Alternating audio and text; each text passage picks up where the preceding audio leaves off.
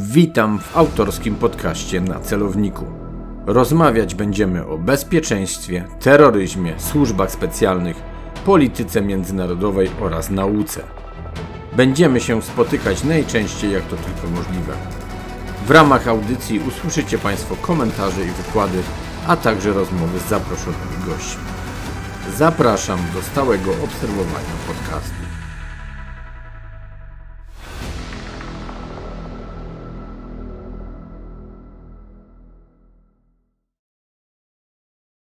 Przy mikrofonie Artur Dubiel, Wyższa Szkoła Bankowa. Z nami ponownie dr Jacek Raubo. Cześć Jacku. Cześć. Jacek związany oczywiście z Uniwersytetem Adama Mickiewicza oraz portalem Defense24. Przedwczoraj był również z nami.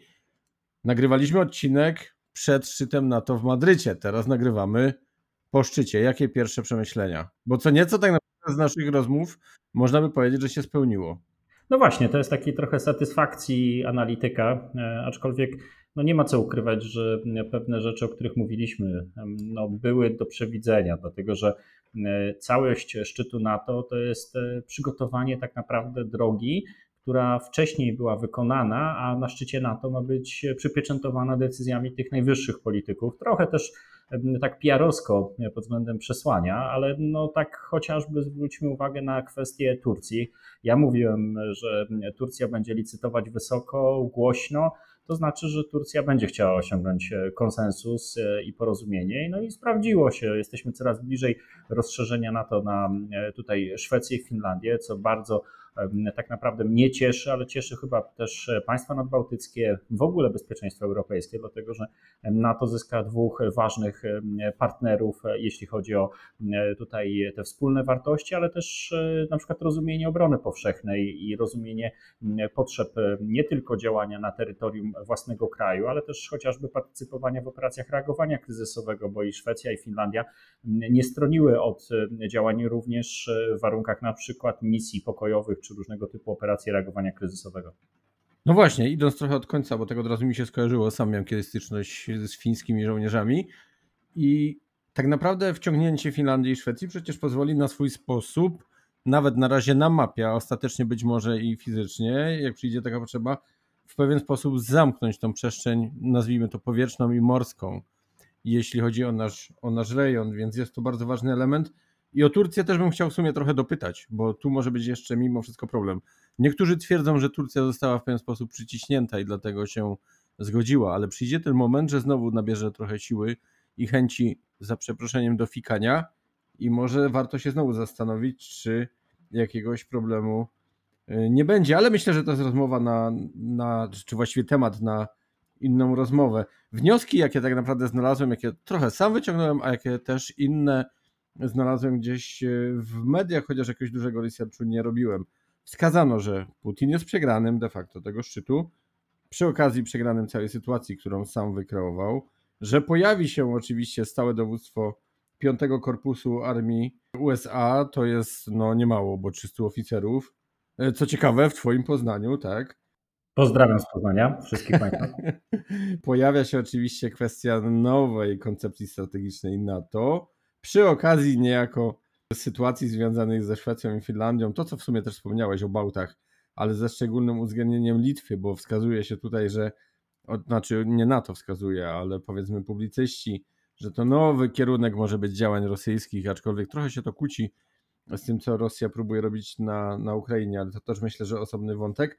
Ale co ważne, wskazuje się właśnie cyberprzestrzeń i pytałem Ciebie, czy ta cyberprzestrzeń, a artykuł 5 tak naprawdę mocno się nie wiążą i teraz się okazuje, że jednak na tym oficjalnym gdzieś poziomie, no strategicznym jakby nie patrzeć i decyzyjnym i jednak to też na to zwrócono uwagę. Co ciekawe, nie wiem czy dobrze, zastanawiam się nad tym, mam taką wewnętrzną, głęboką debatę, yy, skazano Chiny przecież też jako wyzwanie, delikatnie mówiąc, i wskazano również, że NATO i Unia Europejska to partnerzy, ja tu mam trochę takie wątpliwości, bo może nie tyle trzeba na pewno partnerzy, bo przecież w większości to są dokładnie te same ośrodki decyzyjne. Jak ty patrzysz na przekaz medialny, na te elementy, które wspomniałem, a może jeszcze jakieś inne, na które zwróciłeś uwagę i co tak po tym szczycie według ciebie z tego wszystkiego jest najważniejsze, a co znowu może budzić pewne wątpliwości i gdzieś tam się zastanawiasz, czy aby na pewno jest tak, jak wszyscy myślą. Ja zawsze powtarzam, że największym atutem NATO jest potencjał do zmiany. Nawet w wyniku, nazwijmy to, bardzo trudnych relacji wewnątrz NATO, E, cały czas w różnych okresach funkcjonowania Sojusz Północnoatlantycki wykazywał tą zdolność do transformacji, odnawiania na przykład kompetencji, które zostały utracone, bo to nie jest tak, że w gruncie rzeczy NATO musi coś nowego budować, na przykład jeśli chodzi o logistykę, jeśli chodzi o wzmacnianie tego zaplecza, dlatego że w okresie zimnej wojny byliśmy tutaj w wymiarze zachodu szeroko pojmowanego, z perspektywy NATO oczywiście mówiąc, nie wtedy Polski, która leżała w bloku wschodnim, a z perspektywy NATO, no, mowa była o bardzo efektywnym no, zaopatrzeniu, zapleczu, budowaniu zapasów. To zostało oczywiście w jakimś tam stopniu ograniczone rzeczywistością postzimnowojenną. Dzisiaj zdolność do odbudowania tego to jest być albo nie być, e, ale wydaje się, że jest wola e, polityczna, żeby wzmacniać nie tylko ilościowo e, chociażby swoje zasoby sił zbrojnych, ale też rozbudowywać te kompetencje logistyczne, kompetencje do przerzutu, dalej ćwiczyć również elementy wykorzystania infrastruktury, na przykład transportowej, należącej do tego segmentu cywilnego, na warunki pojokoju, ale też na warunki wojny. Więc e, dużo z takich aspektów pozytywnych płynie właśnie z tego otoczenia, z, tego, z tej wizji strategicznej, która wymaga od państw członkowskich Sojuszu Północnoatlantyckiego pracy. I te elementy, nazwijmy to PR-owskie, bo one muszą wystąpić dzisiaj no, ty czy ja zdajemy sobie z tego sprawę, że nawet o bezpieczeństwie nie można mówić z wyłączeniem tych nowych metod e, PR-u, stratkomu. Należy tak naprawdę używać pewnych zdolności do komunikowania się z wybranym tutaj odbiorcą informacji, ale również z przeciwnikiem, tak żeby chociażby tutaj odpowiednio formułować przekaz na kierunek na przykład rosyjski.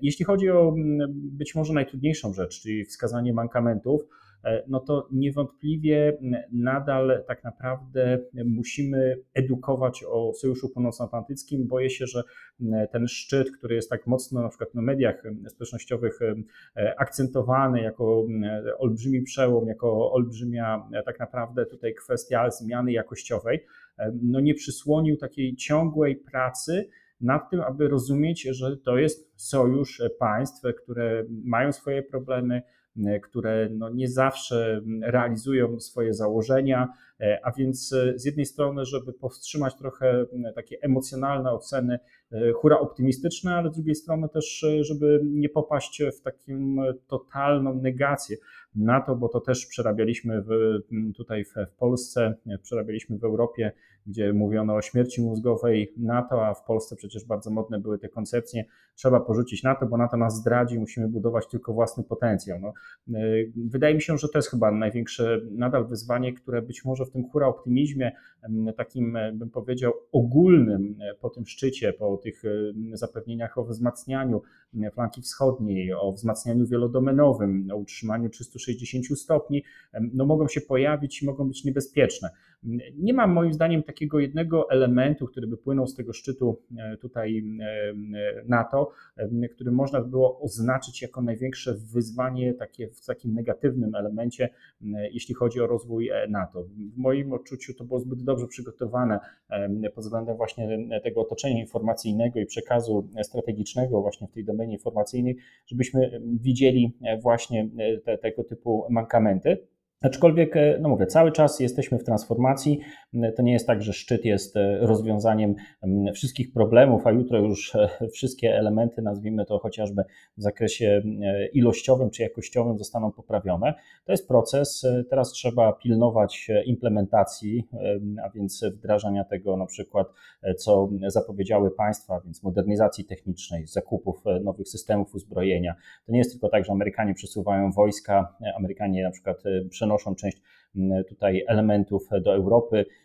To jest też praca Europejczyków nad ich własnymi siłami zbrojnymi, nad modernizacją, nad e, cały czas osiąganiem tej interoperacyjności, ale też e, tych tutaj elementów wielodomenowego działania, czyli włączenia też domeny informacyjnej, włączenia domeny e, cyber do naszych po prostu możliwości operacji, naszych możliwości odstraszania i obrony. Więc bardziej powiem Tobie, że łatwiej jest mi dzisiaj mówić, co się nam udało, niż co się nam nie udało, dlatego że jeżeli coś coś się nawet dzisiaj, mówiąc tak jak e, tutaj widzimy tę kwestię turecką, mogło jeszcze nie do końca zamknąć, e, no to i tak pokazaliśmy znaczną zdolność do rozmawiania ze sobą.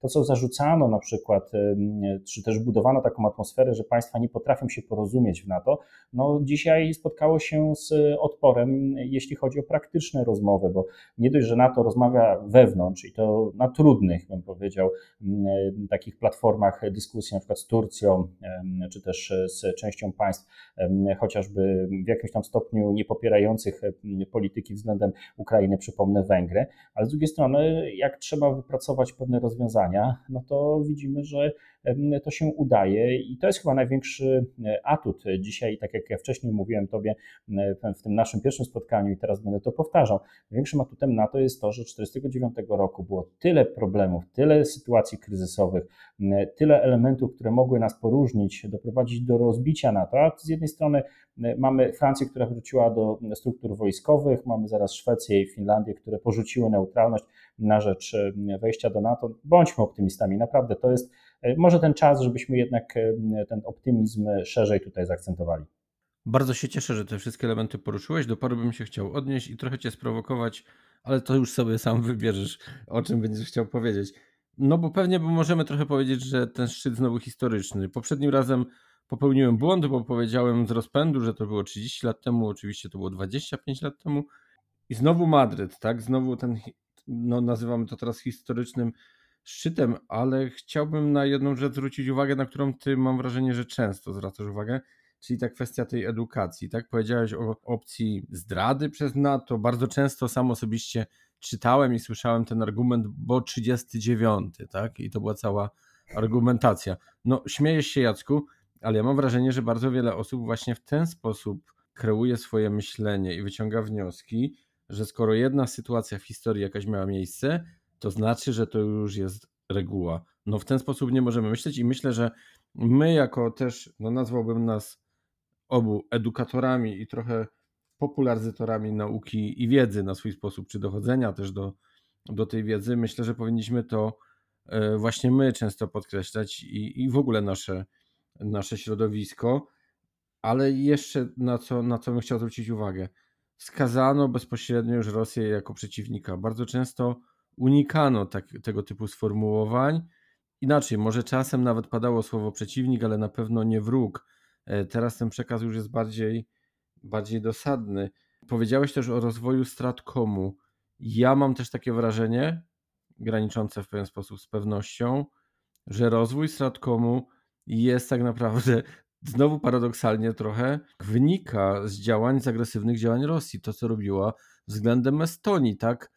Tutaj case y, ataku cybernetycznego na, na Estonię, rozwój tego państwa, jednak popchnięcie w dalszy rozwój, jeśli chodzi o technologie cyfrowe, no spowodował też przełożenie właściwie na, na resztę sojuszników. Mnie jedna rzecz jednakże jeszcze bardzo zastanawia.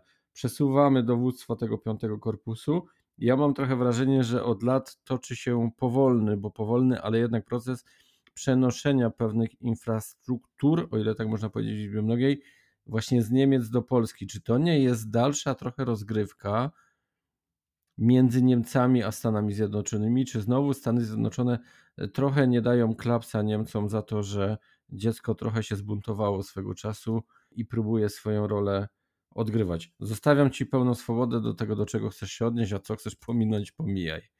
Powiem tak, może warto odnieść się do wszystkich elementów. Rzeczywiście edukacja to dzisiaj no, przede wszystkim walka z upraszczaniem.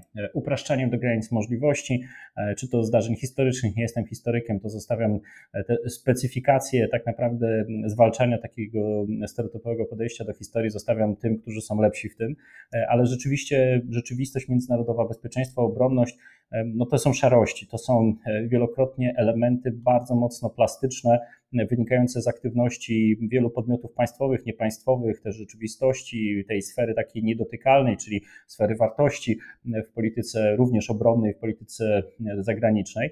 No i tu e, należy podkreślać, że rzeczywiście ten obraz, e, nie wiem, zdrady, obraz potrzeby posiadania, nie wiem, samowystarczalności, bo nie możemy liczyć na nikogo, że na to nie działa, no to są bardzo szkodliwe dla naszej racji stanu. Tutaj e, tezy, czy też takie twierdzenia, e, które mają wpływać oczywiście na debatę publiczną, dlatego że raz po raz widzimy, że chociażby w cieniu e, funkcjonuje ta transformacja NATO, funkcjonuje też zobowiązanie każdego państwa członkowskiego do tego, aby wzmacniał swoją obronność. Ja chyba przestrzegałem, ale też będę przestrzegał cały czas przed takim bardzo mocno, powiedział, złym interpretowaniem obowiązków artykułu 5, czy też elementów artykułu 5. Ludzie e, starają się, którzy nie zawsze kibicują na to, starają się ten artykuł 5 w jakimś tam stopniu używać jako narzędzie podważające efektywność działania e, tutaj całego sojuszu, bo niby zobowiązanie jest e, niepewne, że nie ma w gruncie rzeczy określonego czasu, ale zwróćmy uwagę, jak wiele na przykład pracy poświęca się na temat tutaj rozwoju sił szybkiego reagowania, pewnych procesów decyzyjnych na wypadek kryzysu. Pewne plany, e, które też budują wojskowi, do których nie mamy dostępu, to jest ta kwestia wręcz takiego zwiększenia automatyzmu działania na wypadek potrzeby obrony. Nie mówię o odstraszaniu, tylko potrzeby obrony.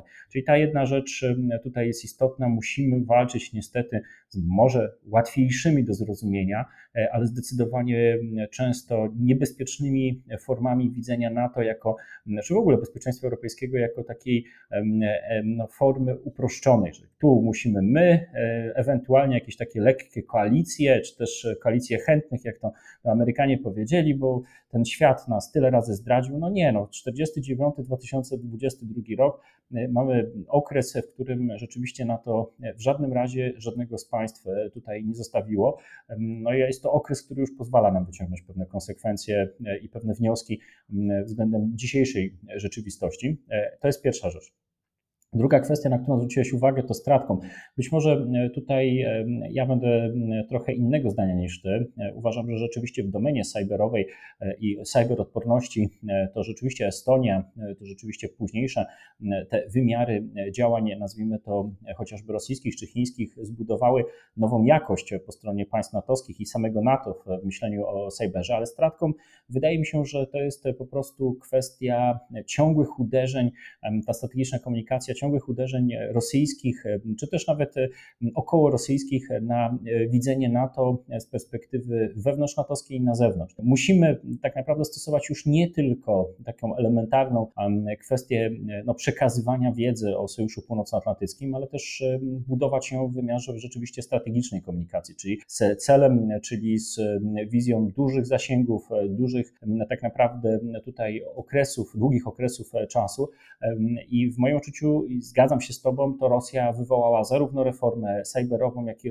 reformę w domenie info, e, łącznie z rozbudową komponentu e, stratkomowego, ale to też jest efekt długotrwałej pracy nad sobą, bo być może tutaj słuchacze nie kojarzą, ale przecież wokół NATO ten ferment intelektualny, łącznie na przykład z tą domeną informacyjną, jest animowany na przykład przez centra doskonalenia, tutaj, które są certyfikowane przez NATO i na Łotwie w Rydze, gdzie miałem okazję być na kilku konferencjach, właśnie jest prowadzone takie centrum zajmujące się komunikacją strategiczną.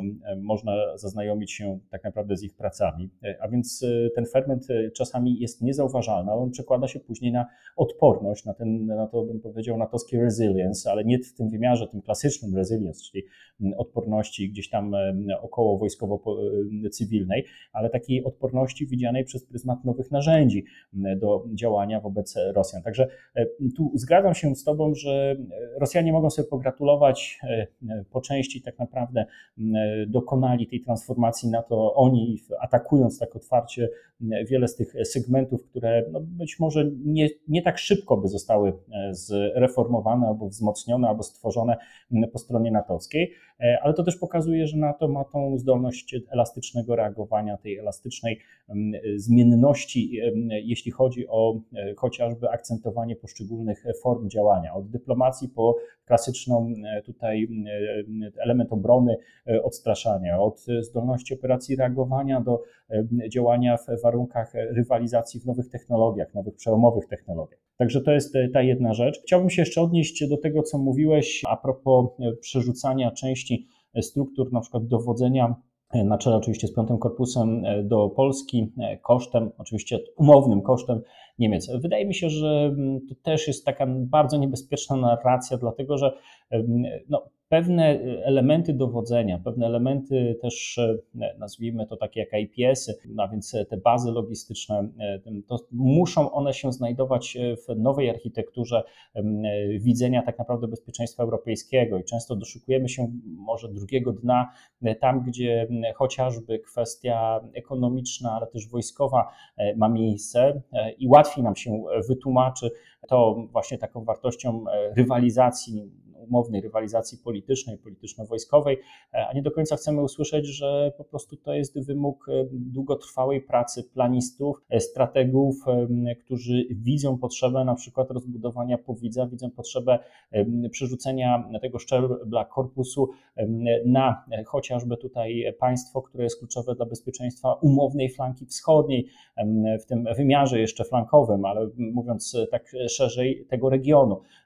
Więc wydaje mi się, że naprawdę no nie chciałbym tutaj wchodzić w taką polemikę z Tobą e, albo z tą hipotezą, którą zaprezentowałeś, e, że Amerykanie zmieniając e, dyslokację na przykład piątego korpusu, tej bazy piątego korpusu z Fort Knox na Poznań, wykonują jakiś gest wobec Niemiec, bo zauważmy, co robią w Niemczech. Tam nadal są olbrzymie kompleksy poligonowe, tam nadal Mamy chociażby w Stuttgarcie czy w e, całe tak naprawdę zasoby dowodzenia oraz e, tak, e, tutaj też tych różnych komponentów amerykańskich sił zbrojnych, więc naprawdę nie przesadzajmy w takich ocenach, że nagle nastąpiła jakaś gigantyczna zmiana.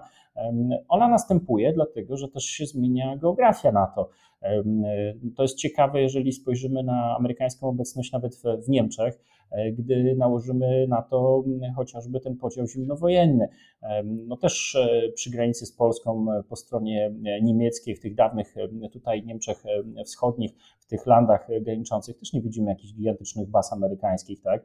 Jak dzisiaj słyszymy o Bushel czy Rammstein, to, no to przecież wiemy, że te konstrukcje swoją architekturę budowały w oparciu o widzenie zimnowojenne. A więc e, ja się cieszę i uważam, że w jakimś stopniu znowu amerykańskie działania dały tak naprawdę tutaj trochę takiego e, psztyczka w nos tym, którzy no, budowali takie zero-jedynkowe hipotezy o porzuceniu Europy, o niezdolności Stanów Zjednoczonych do podjęcia działań wzmacniających ten region.